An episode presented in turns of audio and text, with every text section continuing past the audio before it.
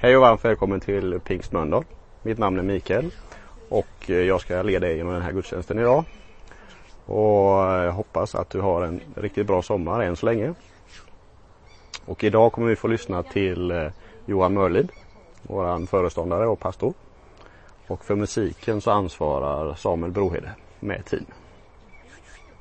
Och eh, vi eh, gör att vi lägger den här gudstjänsten i Guds händer. Så ser vi vart vi tar vägen någonstans.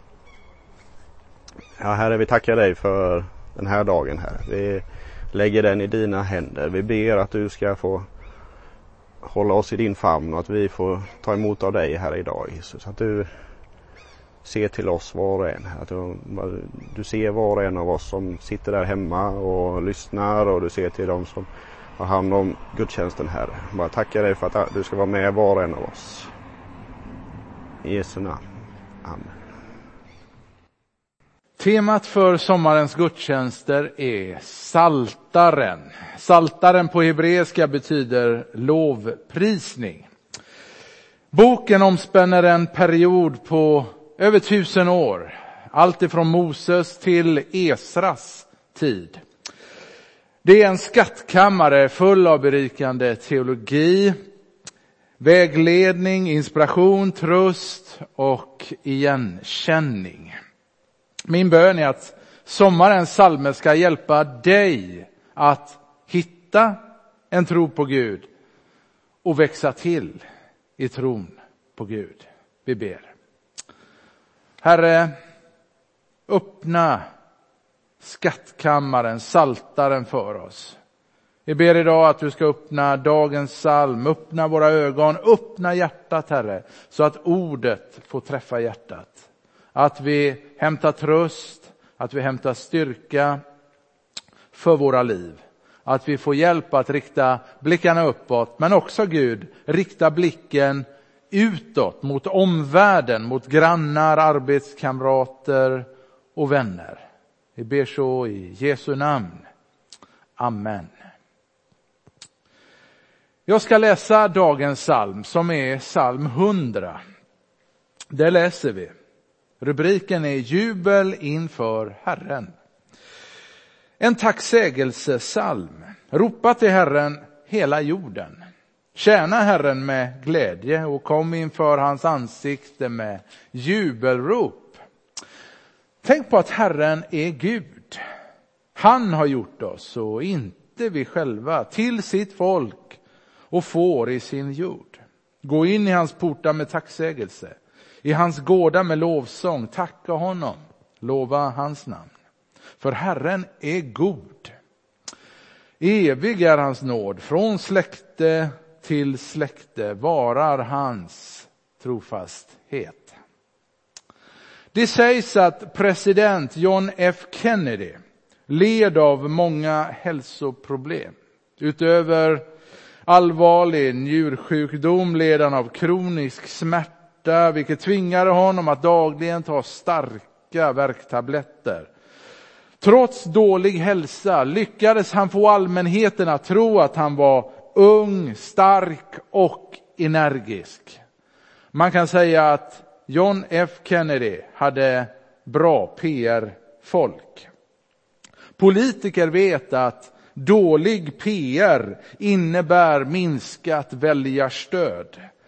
Allt sedan begynnelsen har Satan som mål att baktala Gud för att få människor att sluta följa honom.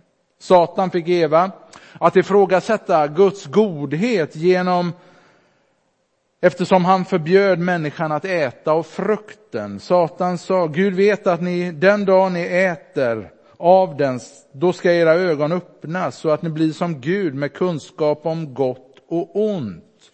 Alltså underförstått, hur kan Gud, om han nu är god, undanhålla er det som verkar gott? En god Gud skulle inte göra så. Med andra ord, lyd honom inte. Han verkar ju vara en riktig glädjedödare. Satan far med samma osanning än idag för att få människor att sluta följa Herren eller också att intressera sig för Herren. Alltså om du börjar tro på Gud måste du sluta att göra så och så och så. Du måste sluta göra sånt som du tyckte om förut och börja göra sånt som du avskyr. Ingen mer glass utan bara spinat. Visst är det kul att vara kristen. Olyckligtvis så har ju många kristna faktiskt anammat detta synsätt och ger sken av att ett kristet liv är tråkigt, ointressant och bara liksom fullt av förbud. Nu är inte lösningen på detta synsätt att börja dra mer skämt i kyrkan. Men våra kristna liv skulle helt klart vinna på om vi återspeglade Guds glädje mycket mer i våra liv. Aposteln Petrus, han skriver, ni är ett utvalt släkte, ett konungsligt prästerskap, ett heligt folk, ett Guds eget folk, för att ni ska förkunna hans härliga gärningar, han som har kallat er från mörker till sitt underbara ljus. Någon har sagt, Gud äras som mest när vi är som mest lyckliga över honom. Varje kristen är kallad av Gud att ge Gud så mycket god publicitet som möjligt och att synliggöra hans godhet. Detta är budskapet i psalm 100, den psalm som jag just läste. Eftersom Herren är god så skall hans folk vara ett glädjens, lydnadens och tillbedjande, ett tillbedjande folk. Psalm 100 är den enda salmen med titeln En tacksägelsesalm. Det hebreiska ordet för tacksägelse betyder bekännelse. Psalm 100 är en hyllning till Gud över hans egenskaper, hans gärningar och avslutar psalmerna om Guds kungavärdighet, psalm 93 till 100. Samtliga dessa psalmer sprudlar av glädje. Och det är också värt att notera att dessa psalmer saknar namnen på författarna. Det viktiga är inte vem som skriver salmen utan vem man skriver om. Även om psalm 100 är relativt kort så säger den desto mer om vilka konsekvenser Guds konungavärdighet borde få i våra liv. Vi läste att vi ska ropa till Herren, tjäna Herren, tänk på Herren, tacka Herren, lovsjung Herren. Låt mig börja nerifrån salmen och så sakta jobba mig uppåt. Salmisten han skriver, Herren är god. De orden är ju lätta att säga, men frågan är om vi verkligen tror på dem. Kanske har du ett, haft ett tufft liv, ett svårt liv och har svårt att tro på en god Gud. Hur svårt du än har för att tro på en god Gud så är Guds godhet ett centralt begrepp i Bibeln. Gud vill, lyssna nu, bara ditt bästa. Psalm 100 nämner två sidor av Guds godhet som ofta nämns i Bibeln nämligen Guds nåd och trofasthet. Det hebreiska ordet för nåd är hesed, eller hesed för att tydliggöra hur det bokstaveras. Och det är ett ord som är besläktat med ordet för stork.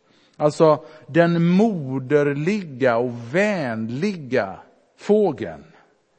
Jag tror att många av oss tänker på storken som fågeln som kommer med nyfödda barn i näbben.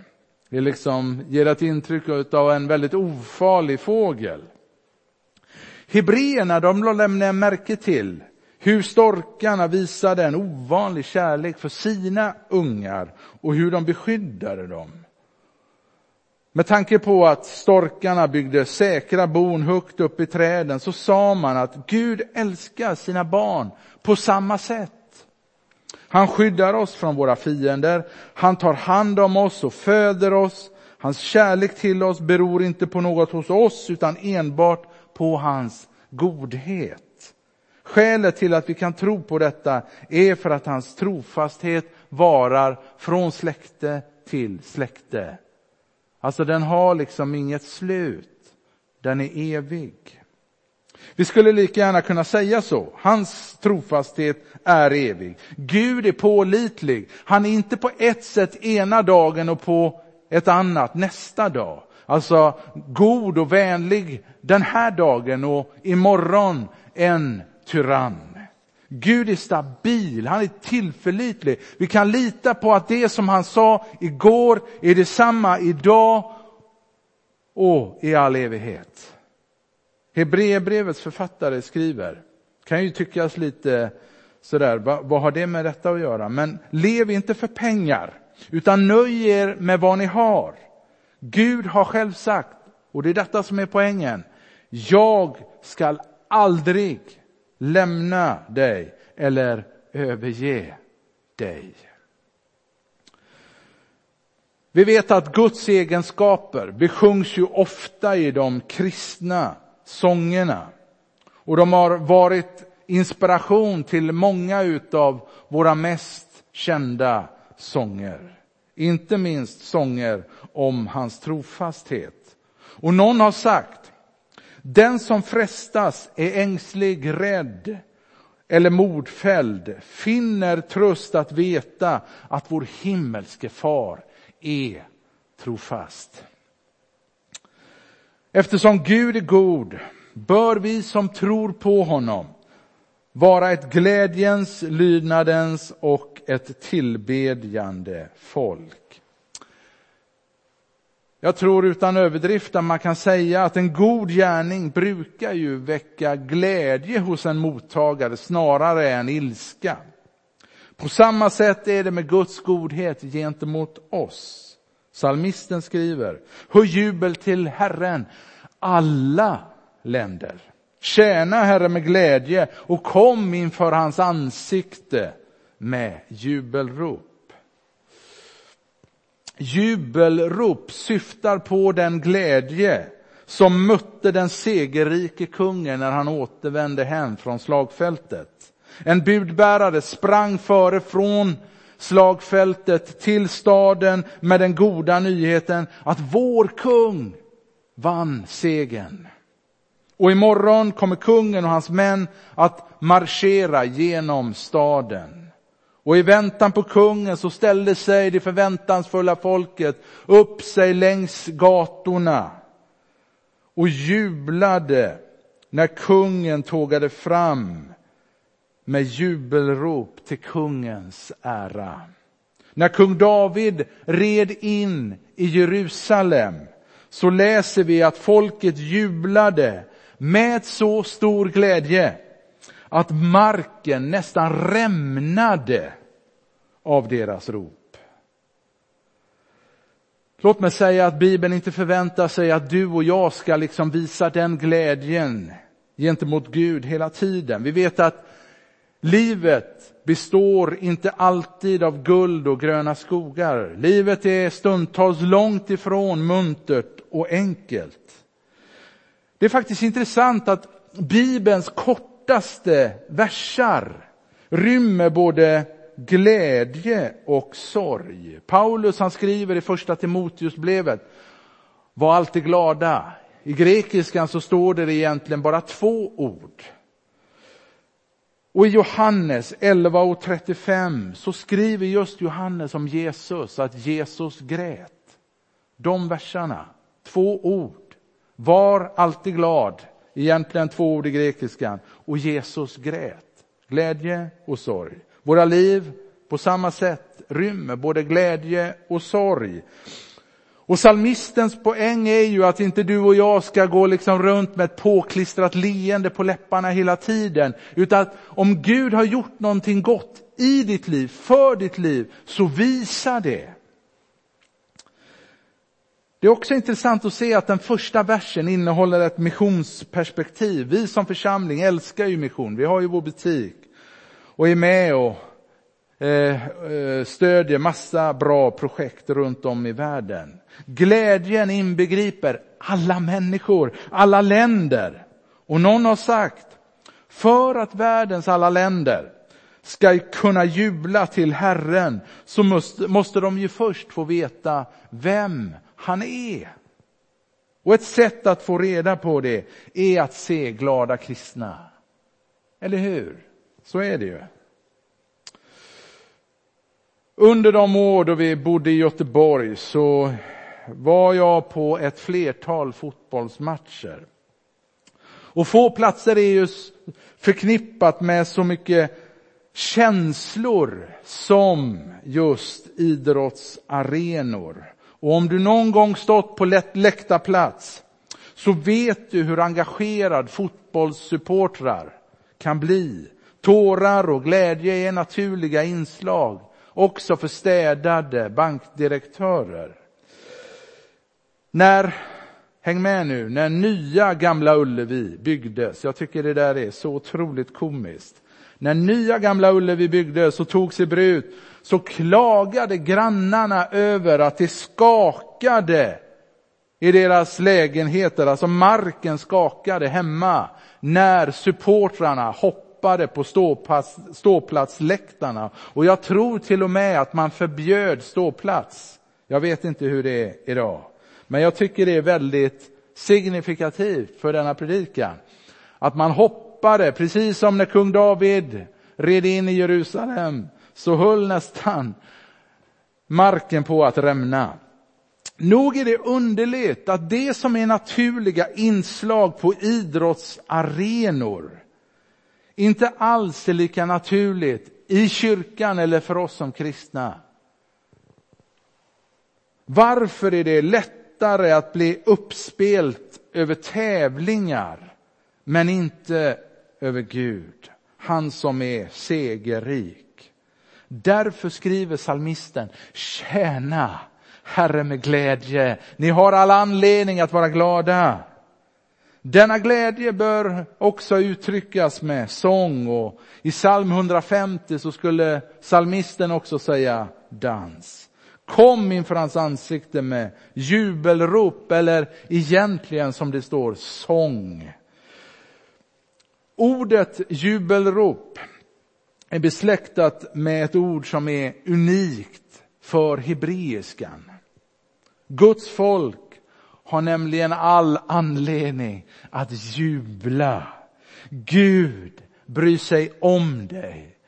Gud frälser dig. Gud älskar dig. Jubla, du är inte längre, om du tror på Jesus Kristus som din frälsare och Herre, du är inte längre hopplöst förlorad. Du äger ett saligt framtidshopp. Jubla över att du känner Jesus Kristus, frälsaren, den levande, kungars kung, hans nåd och trofasthet. Kom inför hans ansikte med jubel, sång. Han har vunnit seger över synd och död en gång för alla. Må vi aldrig den dagen då vi kommer tillbaka till Mundal pingst och firar gudstjänst tillsammans, må vi aldrig mer sjunga oinspirerat till Herren. Låt det märkas att vi sjunger till en unik Gud. Vi som tillhör Herren ska vara ett glädjens folk. Men vi som tillhör Herren ska också vara ett lydnadens folk. Salmisten skriver, besinna att Herren är Gud, han har gjort oss och inte vi själva. Vi är hans folk och får i hans jord. Jag undrar om inte man skulle behöva läsa psalm 100, precis som psalm 23. Med tanken om, eller mer föreställa sig själv som ett får. Kanske att du skulle ställa dig på alla fyra och läsa psalm 23 och psalm 100. Man kan ju fråga sig varför en vers om lydnad är en psalm som handlar om glädje. Vad har denna vers om lydnad med glädjen att göra? Jo, en hel del. Versen skildrar en människa som har insett att Gud är större än henne själv. En människa som gnäller på Gud har ju inte mycket tilltro till honom och tycks ju mena att man hade gjort jobbet bättre själv om man bara hade fått chansen. Först när en människa böjer sig under Gud och säger Gud, jag erkänner, du är Gud. Först då förstår man bättre.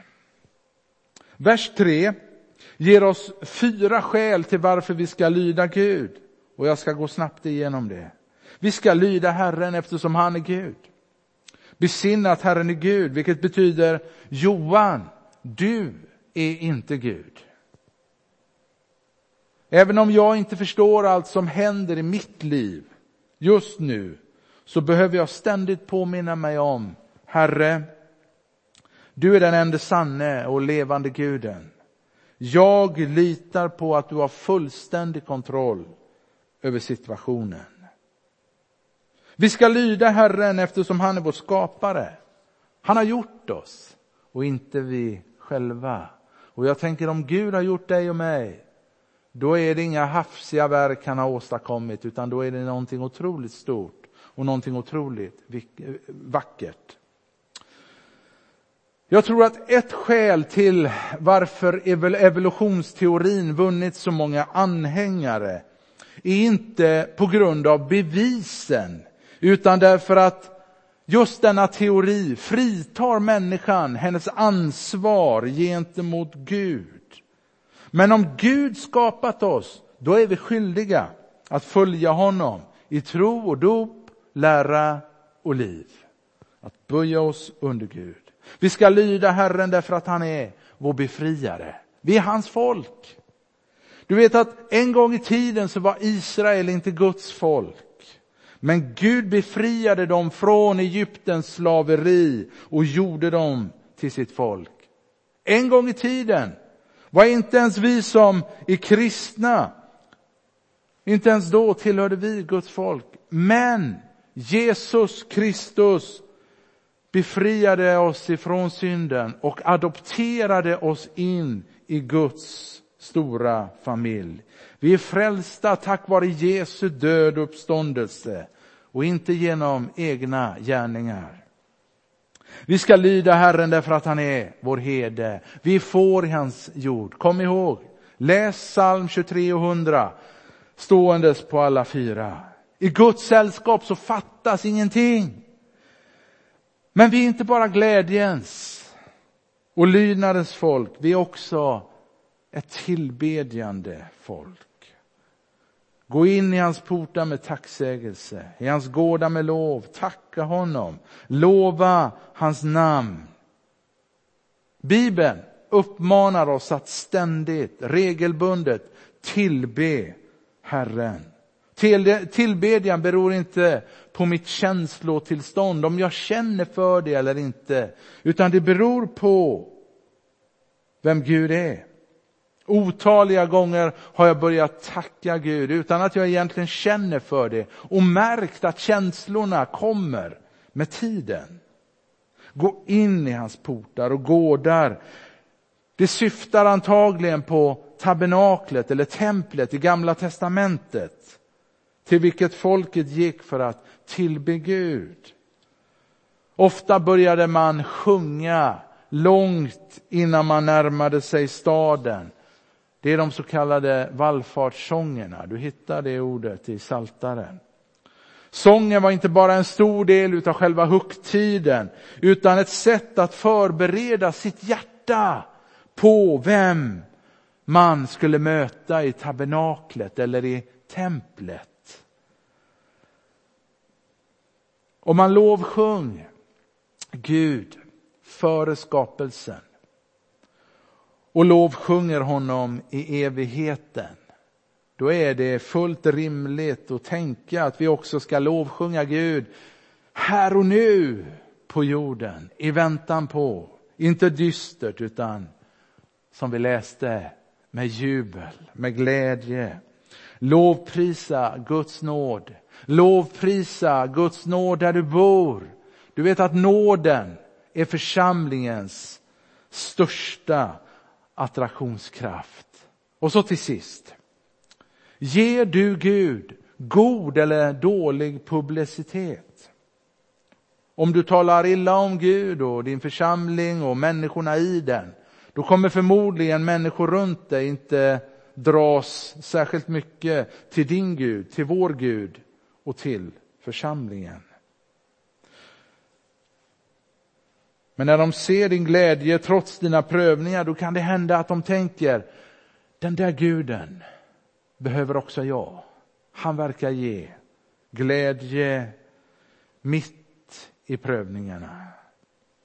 Du vet att jag träffar många människor som trots väldigt svåra prövningar och mycket lidande utstrålar en sån frid.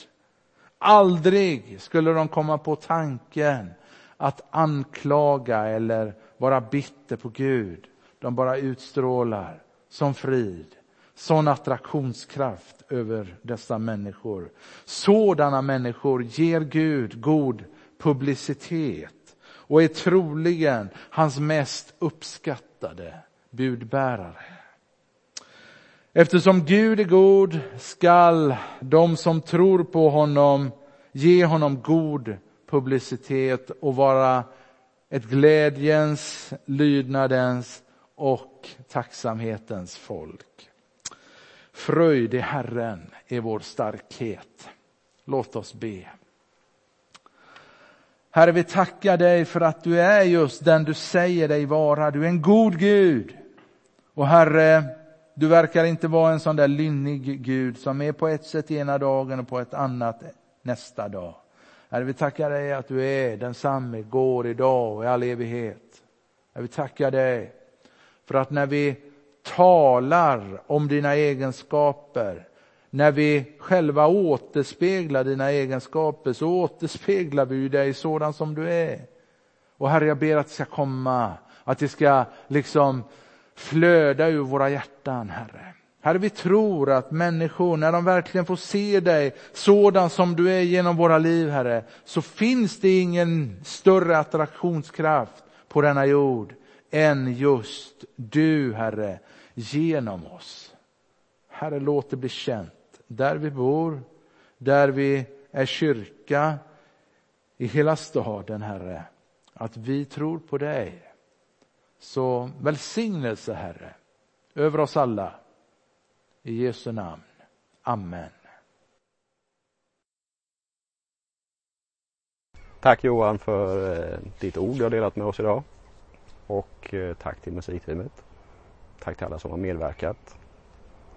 Och tack för att även du har lyssnat. Och återigen, tack för det idag och ha en fortsatt skön söndag. Nu ska vi sjunga tillsammans den kanske vackraste av alla sommarsalmer, tycker jag i alla fall. En vänlig grönskas rika dräkt.